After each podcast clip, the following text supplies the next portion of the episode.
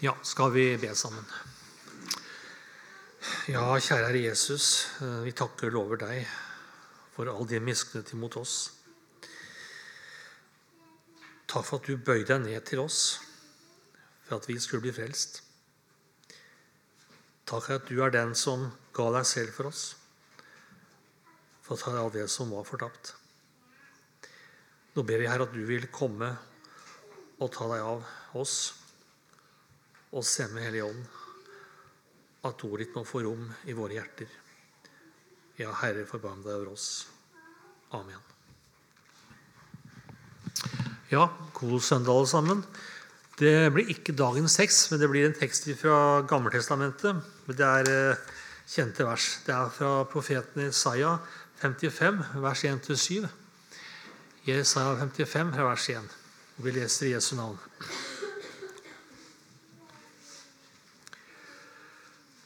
Kom, alle tørste, kom til vannet.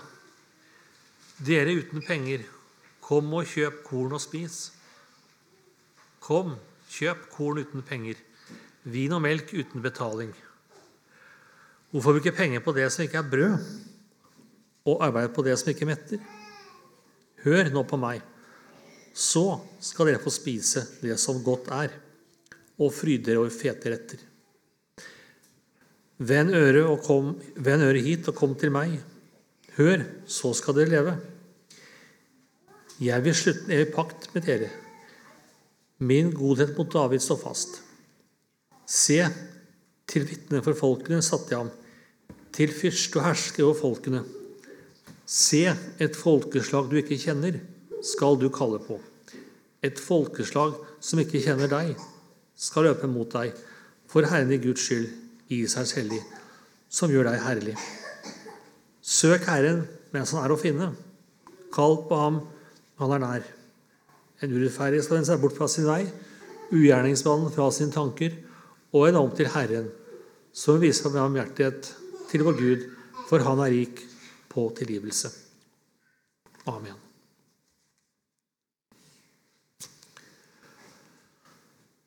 Profeten Jesaja har i mange sammenhenger blitt kalt for en femte evangelist. Og det kan vi nok si har en sammenheng med det budskapet som vi veldig ofte møter på i andre halvdel av profeten Isaiah. Budskapet om frelse, budskapet om nåde, budskapet om liv, som er en skjenker for intet. Og alt dette budskapet er sterkt knytta til løftet om den frelser som Herren vil sende. Og sterkere enn noen av de andre profetene i Det gamle testamentet så tegner Jesaja bildet av den kommende forløser. Kapittel 53 regnes som å være et av de mest sentrale kapitler i vår bibel. Der leser vi om Han som går inn i vårt sted, lider døden for vår skyld og bærer våre synder på sitt eget legeme. Vi leser i vers 5 i Jesaja 53. Men han ble såret for våre lovbrudd, knuste våre synder. Straffen lå på ham. Vi fikk fred. Ved hans sår ble vi helbredet. Teksten vi leste fra Jesaja 55, kan vi si er en innbydelse ifra Herren. Der Herren rekker ut armene til sitt folk og sier, Kom, alle tørste. Kom til vannet, dere uten penger. Kom og kjøp korn og spis. Kom, kjøp uten penger vin og melk uten betaling. Andre halvdel av Jesaja blir av mange kalt for trøsteboken. Kapittel 40 begynner med ordene Trøst, trøst ditt folk, sier deres Gud. Tal til Jerusalems hjerte og rop til henne at hennes strid er fullført hennes skyld er betalt, at hun har fått dobbelt fra Herrens hånd for alle sine synder. Og så hører det lyd i teksten som vi leste. Kom uten penger, uten betaling. For det er hemmeligheten med ordet forløsning, slik det anvendes i Det gamle testamentet, det at den forløser, det er en person som betaler løsepenge fordi hun sitter i telledom for at de skal bli fri. at de kan slippe ut av mørket og få lov til å komme inn i lyset. Og det som vår bibel lærer oss, det er at Herren er en slik forløser. Han er den som betaler alle omkostningene ved utløsningen, ved frikjøpningen. Og så lyder det til oss Kom uten penger, uten betaling. For frelsen, slik den forkynnes for oss i Den hellige skrift, det er at den gis fritt. Den gis for intet, men den har kostet vår Herre og vår Gud usigelig mye. Og derfor er den ikke billig. Derfor er det som Herren rekker oss i frelsen, noe som er uendelig dyrebart, som er stort i hellighet og uendelig rikt på herlighet men uten penger og uten betaling gis det. Noe vi skal legge merke til teksten som vi leste, det er at Herren stiller spørsmål i andre verset. Hvorfor bruke penger på det som ikke er brød, og arbeide på det som ikke metter? Og med det spørsmålet så pekes det på noe som ligger så nært til oss falne mennesker. Vi vil så gjerne ha noe å komme frem for Gud med. Vi vil så gjerne ha noe å vise til av vårt eget. Og derfor er det å ta imot for intet ikke noe som skjer uten videre. Det er meget, meget vanskelig for det naturlige mennesket. Og der evangeliet forkynnes med fullt alvor, med full tyngde, i hele sin frigjørende og forløsende frimodighet, at for intet det, uten gjerninger, uten betaling, uten egeninnsats. Der protesterer det selvrettferdige mennesket alltid og sier dette blir for fritt. Dette blir for billig. Det er noe vi også må gjøre. Men til dette som gjelder frelsens sak, så sier Hellige Gud jeg vil ikke se deres gode gjerninger. Gud vil ikke se ha våre gjerninger. Det er for det eneste Gud sier og aksepterer, det er hva hans sønn har gjort. Ikke hva du og jeg har gjort. Ikke hva du og jeg har å fare med, ikke, eller hva du og jeg kan gjøre. Men det eneste som gjelder i Faderens øyne, er hva Jesus har gjort. Og vil ikke du og jeg komme på Jesu regning, ja, så kan vi ikke komme i det hele tatt. For da er himmelen stengt. For det er på Jesu regning alene du og jeg skal frelses. Det er en fortelling i Ann kongebok, kapittel 5, som veldig godt illustrerer noe av dette. Der kan man lese om Naman som er rammet av spedalskhet. Også for å høre at i Israel så er det en Herrens profet som han kan venne seg til. Og så drar Naman til profeten og ber om hjelp. Og han har med seg rikelig med betaling. Han har med seg gull og sølv og dyre klær for virkelig å kunne tilfredsstille denne profeten men profeten vil ikke engang se det. Han tar seg ikke engang bryet med å komme ut og møte den mektige hærføreren, som har nedverget seg til å komme på besøk. Han sender heller ut sin tjener som sier, 'Gå og vask deg sju ganger i Jordan.' Så har kroppen din blitt frisk, og du blir ren. Og Naman, Naman blir ganske overrasket og skeptisk. Hørt noe slikt? Hva gjorde han for noe? Sammenlignet med de veldig rene strømmer som renner gjennom Syria. Og Den skepsisen hos Naman fører til at han drar ifra profeten med en uoppgjort sak. Men så stiller Namans tjenere seg frem og sier til hærføreren.: Far, hadde profeten pålagt deg noe vanskelig, ville du ikke da gjort det? Hvor mye mer enn han bare sier til deg at du skal vaske deg og bli ren? Ja, dette er veldig typisk for oss falne mennesker.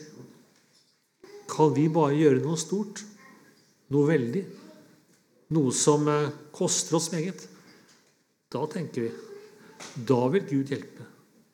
Men for intet? Nei, det er for lettvint. Det er for billig. Men evangeliet har dette med seg, at Herren rekker oss den største og rikeste gave for intet. For intet. Og da må all selvrettferdighet fare. Da må all egeninnsats legges i graven. Og da må vi læres. Da må vi øve oss å se hen til det en annen har gjort. I vårt sted og på våre vegne. Derfor er det også at profeten taler som han gjør i fortsettelsen. Vi leser i vers 3. Vend øret hit og kom til meg. Hør, så skal dere leve. Ja, hør, så skal du leve. Det står ikke 'gjør, så skal du leve'. For et menneske frelses ved å høre. Høre budskapet om hva Guds sønn har gjort. Og derfor leder ordene som sier 'hør', de peker umiddelbart på løftet om Han som er frelsens kilde og frelsens opphav. Jeg vil slutte med pakt med dere. Min godhet mot David står fast. Se, til vitne for folkene satte jeg ham, til fyrste og hersker over folkene. Han er selve pakten som Herren binder seg til folket med. Når Herren inngår nådepakt med sitt folk, så er det akkurat det han gjør. At han binder seg selv. For dette er nådens kjennetegn at Herren rekker oss den største og rikeste gave. Det er nådens under. At han har bundet seg til å oppfylle alle forpliktelser som gjelder, som ligger under paktsrekordene. Det er nådens under. Det er budskapet om frelsen som en dag skal komme.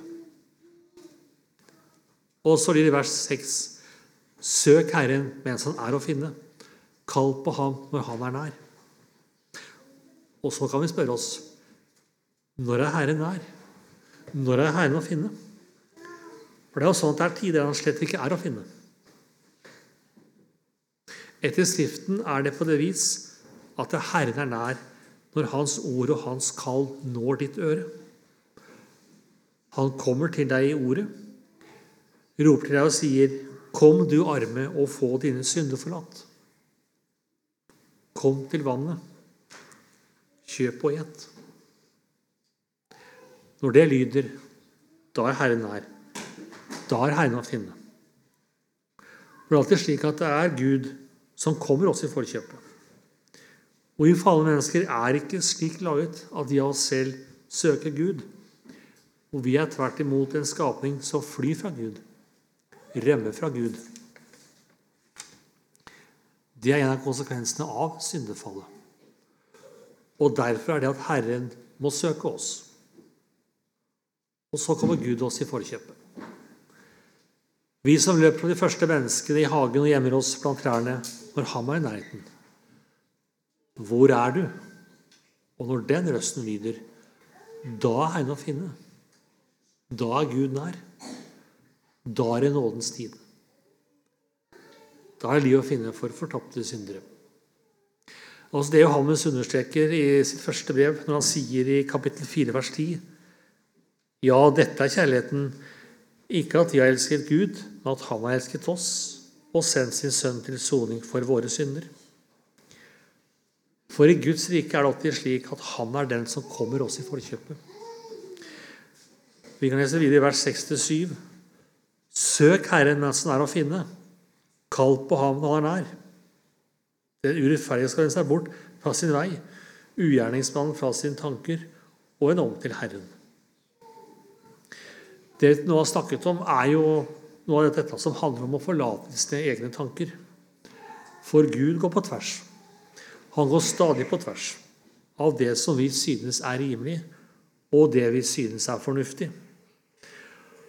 For det er til menneskelig fornuft aldeles urimelig at han skal gi så meget for intet.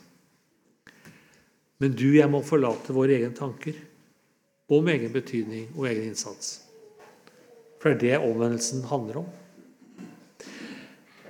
En nærmere beskrivelse av fallet får vi i Isaiah 53, vers 6. Der står det Gikk oss alle vill som sauer, hver tok sin egen vei. Men skylden som vi alle hadde, lot Herren ramme ham. For syndefallet består nettopp i dette at mennesket vil gå sine egne veier i stedet for Herrens veier. Mennesket selv være herre og velge hva som er rett, hva som er den rette veien. Vi vil selv være den som styrer vårt liv. Bestemme hva som er rett, og bestemme hva som er galt. Det er det som skjer i menneskets øyne, som gjelder. Hva vil da si at den ugudige må forlate sin vei? Det handler om å bli så stille at vi begynner å høre. Høre hva som gjelder Guds øyne, og la oss deretter bli rettesatt. Og oss bli ført dit hen at det som en gang kanskje var rett i våre øyne, det gjelder ikke lenger. I Guds rike gjelder alene det som er rett i Guds øyne. Og derfor lyder det den urettferdige skal vende om, skal vende seg bort fra sin vei og vende om til Herren. For omvendelse, hva er nå det? Jo, det er å komme til Jesus med sin synd. Så enkelt er det, og likevel så vanskelig. For vi vil heller komme til Herren med våre egengjorte bragder. Vi vil heller komme med våre, med våre gode gjerninger og få en anerkjennelse fra Herren som sier ja, nå var du flink. Men det å være et Guds barn, det er å komme sine synder. Komme sin medlag. Komme med sin mislykkede kristendom. Ja, komme et liv som en kanskje selvforskyldt har ødelagt. Og så sier han, 'Jeg forlater og sletter bort alle dine synder'. Det er ingen grense for de syndenes forlatelse som Herren rekker. Kommer du med hjelpeløshet, så er Herren ikke hjelpeløs når han tilgir. Men nåden vil blir mektig, så mektig vann som overskyller alt urent. Alt galt, alt stygt og mislykket i våre liv. Det er en strøm som aldri stanser og slutter opp. For han har lovet at nåden også skal være ny hver morgen. Han har lovet at hans nåde varer til evig tid. Alt annet i verden, det har sin slutt. Det visner, det forfaller, det brytes ned. Men det er noe som ikke visner. Det er hans løfte som lyder Min miskunnhet varer til evig tid. Så kom, kjøp uten penger og uten betaling, og kjøp vin og melk. Det metter når du kommer til Herren. Amen.